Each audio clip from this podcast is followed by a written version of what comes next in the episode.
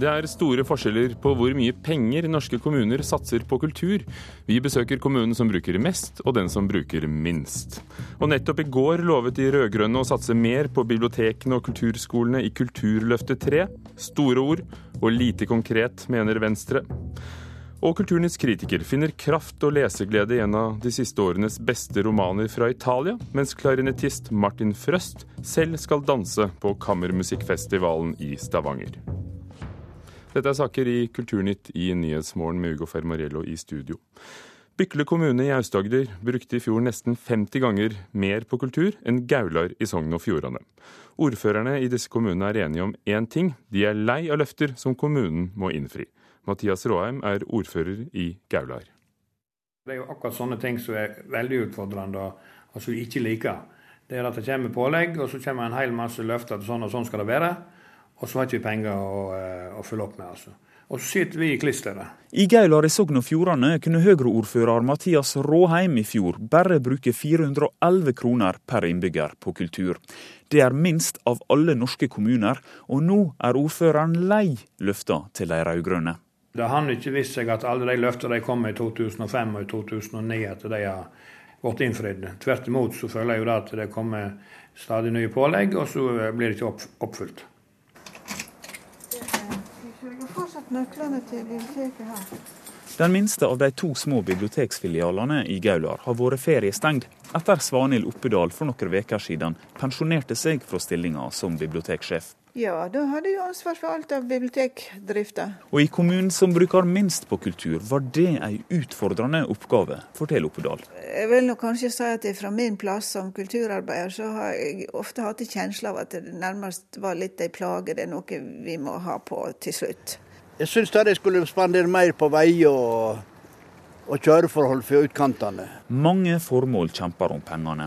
På parkeringsplassen utenfor biblioteket er holdninga at de ikke trenger mer til kultur. Det er vel nok. Jeg leser posten.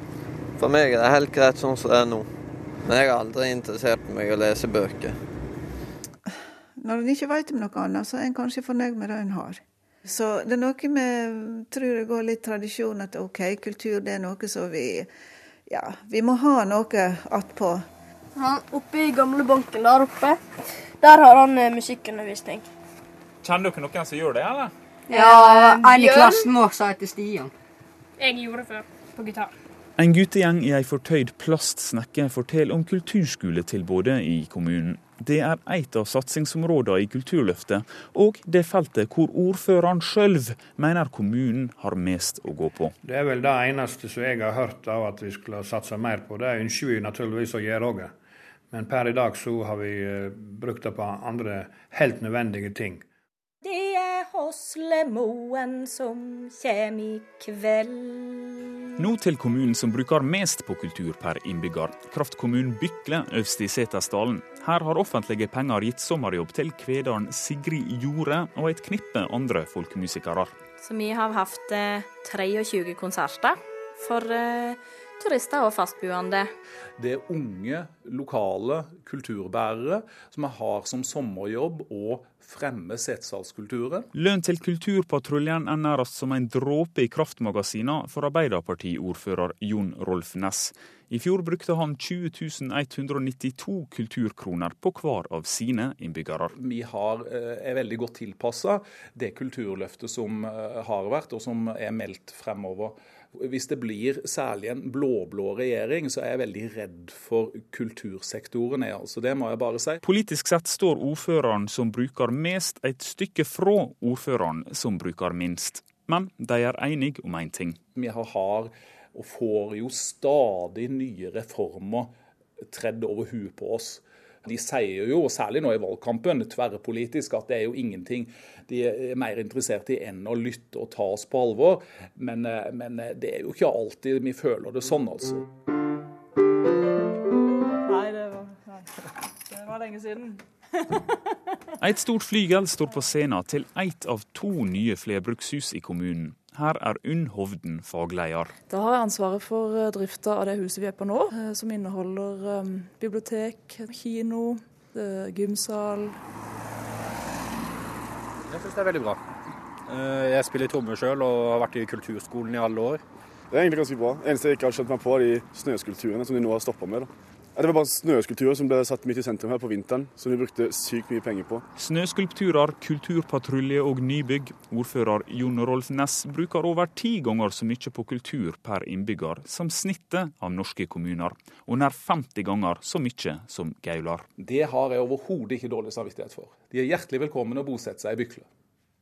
Og det var reporter Sondre Bjørdal som besøkte både Bykle og Gaular, kommunene som bruker mest og minst på kultur per innbygger i Norge. Agnes Moxnes, kulturkommentator i NRK. Hvorfor er det så store forskjeller på hva kommunene bruker på sitt kulturtilbud?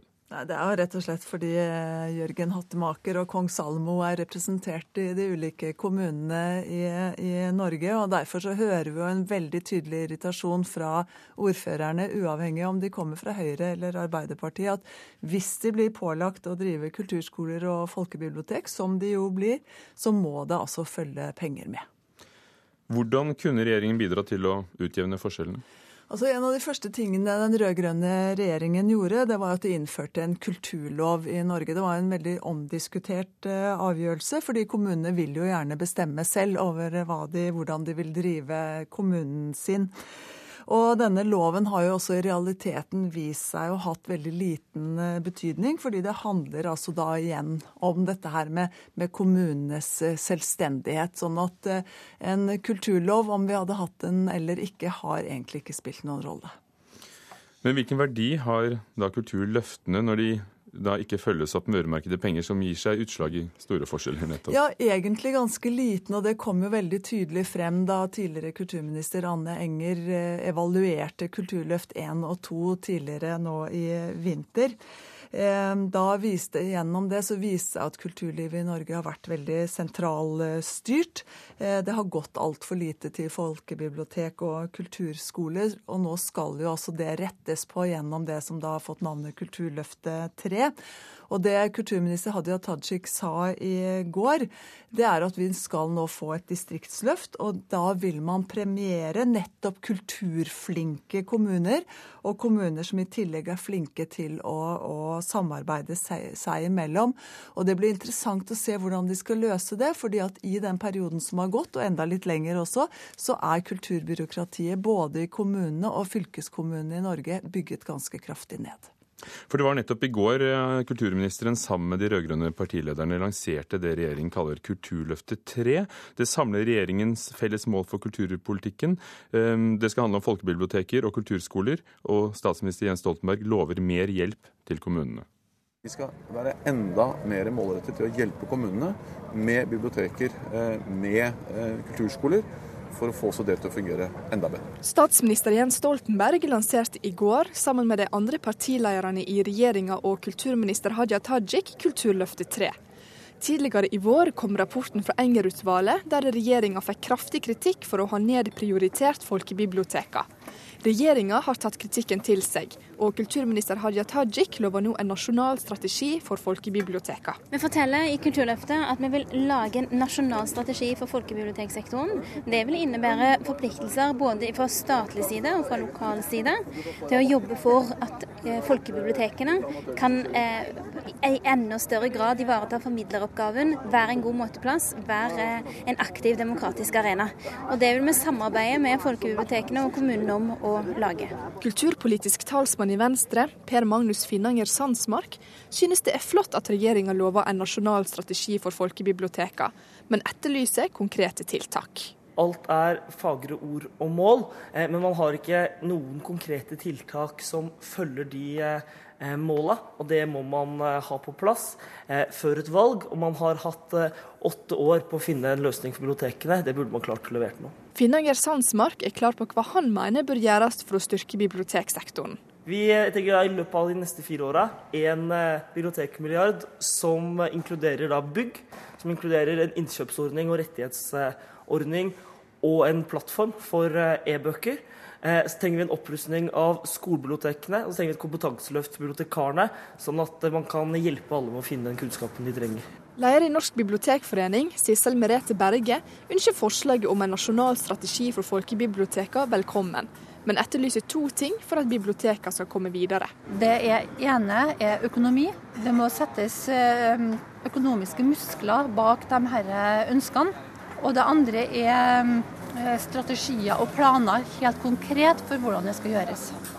Sa Sissel Merete Berge, leder i Norsk bibliotekforening, til reporter Camilla Yndestad etter lanseringen av Kulturløftet 3. Og kommentator Agnes Moxnes, hva er nytt med dette kulturløftet i forhold til de to foregående? Det er eh, som, egentlig som forventet at man skulle få en distriktssatsing, altså på folkebibliotek og, og kulturskoler. Men eh, hvis man ser, nå kan man jo begynne å se på disse tre kulturløftene i samlet eh, tropp. Og det som har vært viktig, er jo at man faktisk har klart å oppnå, eller kommer til å klare å oppnå, at 1% av statsbudsjettet skal gå til kultur. Og det har ført til en, en ganske kraftig stimulans av eh, kulturlivet, men også økt prestisjen til dette området, tror jeg. Og det, og det, viser seg jo bl.a. da Kulturløftet 3 ble presentert i går, så var samtlige eh, partiledere fra de rød-grønne partiene til stede, med statsministeren i spissen. Og det sier jo noe om at de opplever at de har ført en vellykket eh, politikk som betyr noe.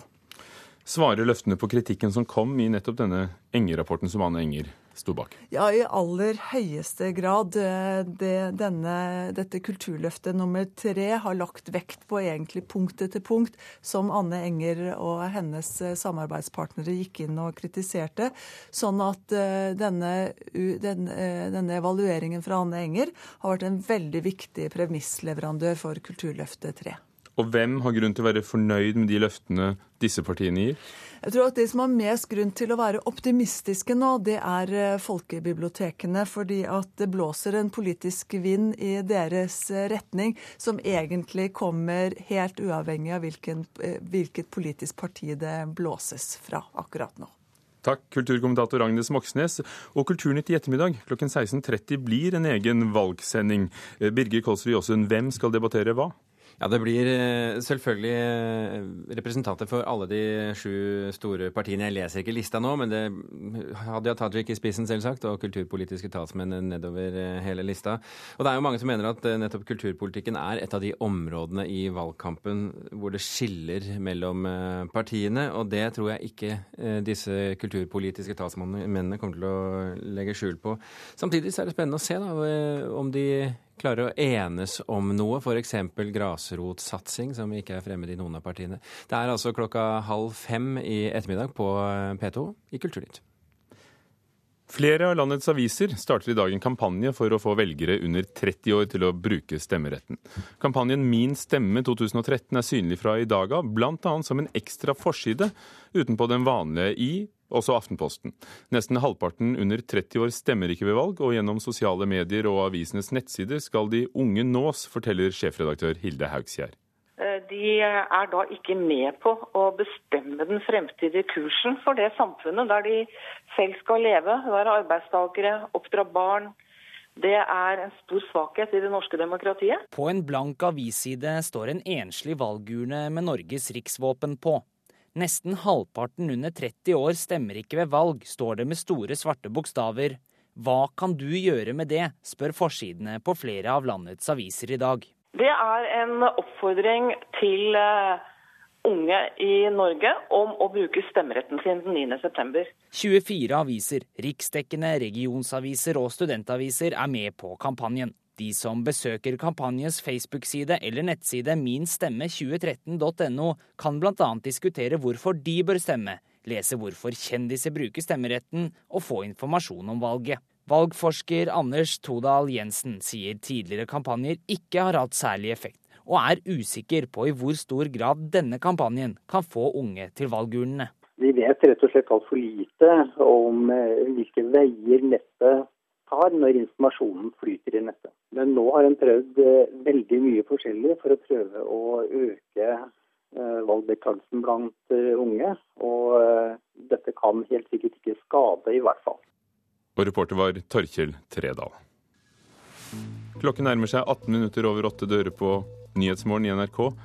En ny regjering kan få like mye oljeinntekter de neste fire årene som de rød-grønne har hatt de siste åtte årene. Frp mener det er rom for både skattekutt og velferd. Politiet i Egypt skal fjerne protestleirene til Morsi-tilhengerne i dag. Det kan bli blodige sammenstøt. Og skolefritidsordningen er blitt dyrere. I mange kommuner har prisen økt med 50% de siste fire årene.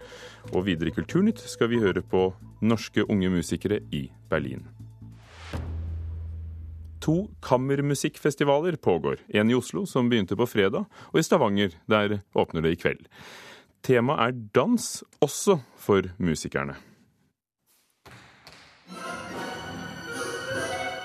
Jeg kan jo eh, moonwalke. Veldig imponerende. Fiolinist Ingerine Dahl i Stavanger symfoniorkester skjønner hvorfor enkelte har beskrevet klarinettist Martin Frøst som den klassiske musikkens Michael Jackson. Det er jo fryktelig få som kan beherske instrument på det nivået og danse og bevege seg samtidig. altså. Men det kan faktisk svensken, som gjør seg klar til konsert med orkesteret i Stavanger konserthus uten taktstokk, men med klarinett og steppesko. For et av stykkene er eh, perkusjon i føttene. Martin Frøst er en av de to kunstneriske lederne for Kammermusikkfestivalen i Stavanger, der dans er årets tema, også i konserten The Dollhouse Dukkehuset. Der han altså leder orkesteret ved å gi signaler med kroppen og føttene. Så det handler om energier eller tråder som går mellom musikere og meg og musikere imellom. De reagerer på mine rørelser, kan man si. Det setter jo alle på prøve, da. Hovedsakelig må vi ta alt ansvar selv. og bare reagere på noen få tegn som selvfølgelig indikerer hvor vi skal være sammen. Men vi er jo nesten altså, altså 80-90 mann som skal reagere på akkurat det samme samtidig. Så det er jo spennende. Ingerine Dahl og orkesteret har fått noe å bryne seg på, og det er også meningen, sier Martin Frøst. Om du ser på hvor mange hundretusentalls dirigenter det finnes, og at de gjør eksakt likadant. Men det kreves jo også noen type av utvikling. Det er ingen kunstform som kommer å være exakt likadant genom årtusenden. Det går ikke. Hos komponister som Grieg så det skinner altså Denne nasjonale åren skinner jo så veldig tydelig igjennom.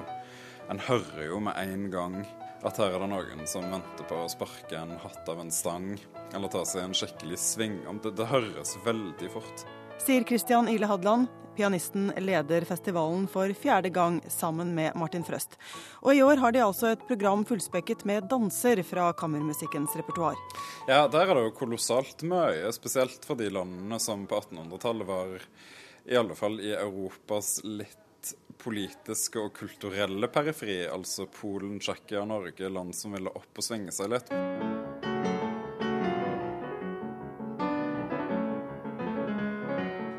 Det er kammermusikkfestivaler både i Oslo og Stavanger samtidig i år, er ikke noe problem, mener Ile Hadland, som har fått stor sans for publikummet i fødebyen. Folk i Stavanger tåler veldig mye.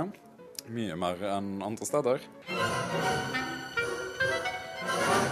I morgen har den dansende klarinettisten Martin Frøst premiere. Og Michael Jackson er ikke den eneste som virtuosen har blitt sammenlignet med. Nå i Verbier fikk jeg høre at det var at det så ut som Nijinsky eller Mick Jagger. Så det er alltid assosiasjoner. Det er rolig.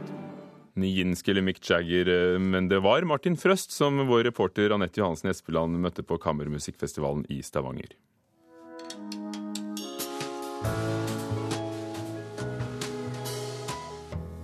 I Italia var allerede Andrea Molesini kjent, i hvert fall i litterære kretser, som barnebokforfatter, oversetter og litteraturkritiker. Og så skrev han endelig en egen roman som har vunnet flere store priser, og nå er denne debuten ute på norsk med tittelen Ikke alle drittsekker kommer fra Wien. Vår anmelder Leif Ekle har lest boken, som tar oss med til en liten by nord for Venezia under første verdenskrig. Sju-åtte mil nord for Venezia, oppover i høydedragene og ikke langt fra elven Piave, ligger den vesle landsbyen Refrontolo. Landsby var den i alle fall i 1917, da krigen, den første verdenskrigen, for alvor hjemsøkte stedet, herskap og tjenere i Villa Spada inkludert. En ærverdig bestemor med fortid som matematiker, en bestefar som renner over av hjemmelagde visdomsord og sær livsvisdom, tanten Maria, den vakre, sterke kvinnen som driver eiendommen, og vår helt og forteller Paolo, 17 år, ett år igjen før også han kan kalles til fronten. Den vakre Julia, forvalteren major Manca, som viser seg å være agent for italiensk etterretning, og den bistre kokka Teresa, så har vi med noen Ikke alle drittsekker kommer fra Wien er en fortelling i det grenselandet der den veldokumenterte historiske romanen møter det tunge krigsdramaet og den vittig velformulerte underholdningsromanen samtidig. Et territorium det kan være risikabelt å begi seg ut i for en forfatter. Resultatet kan komme til å peke ubestemt og sprikende i flere retninger uten at leseren helt forstår hvor det hele skal. Eller, når forfatteren har format til det, kan leseren sitte igjen med en helstøpt og medrivende historie som har mer enn krig, kjærlighet, svik og lojalitet å fortelle om. Andrea Molesini har både formatet, fortellergleden og språket. Har leseren først kommet så langt at de første tyske troppene rykker inn i Refrontolo, begynner plyndringen og rekvirerer Villa Spada til hovedkvarter, er alt håp ute. Det er bare å lese det hele ferdig. Dramatikken er stor, alvoret og volden konstant til stede i denne romanen.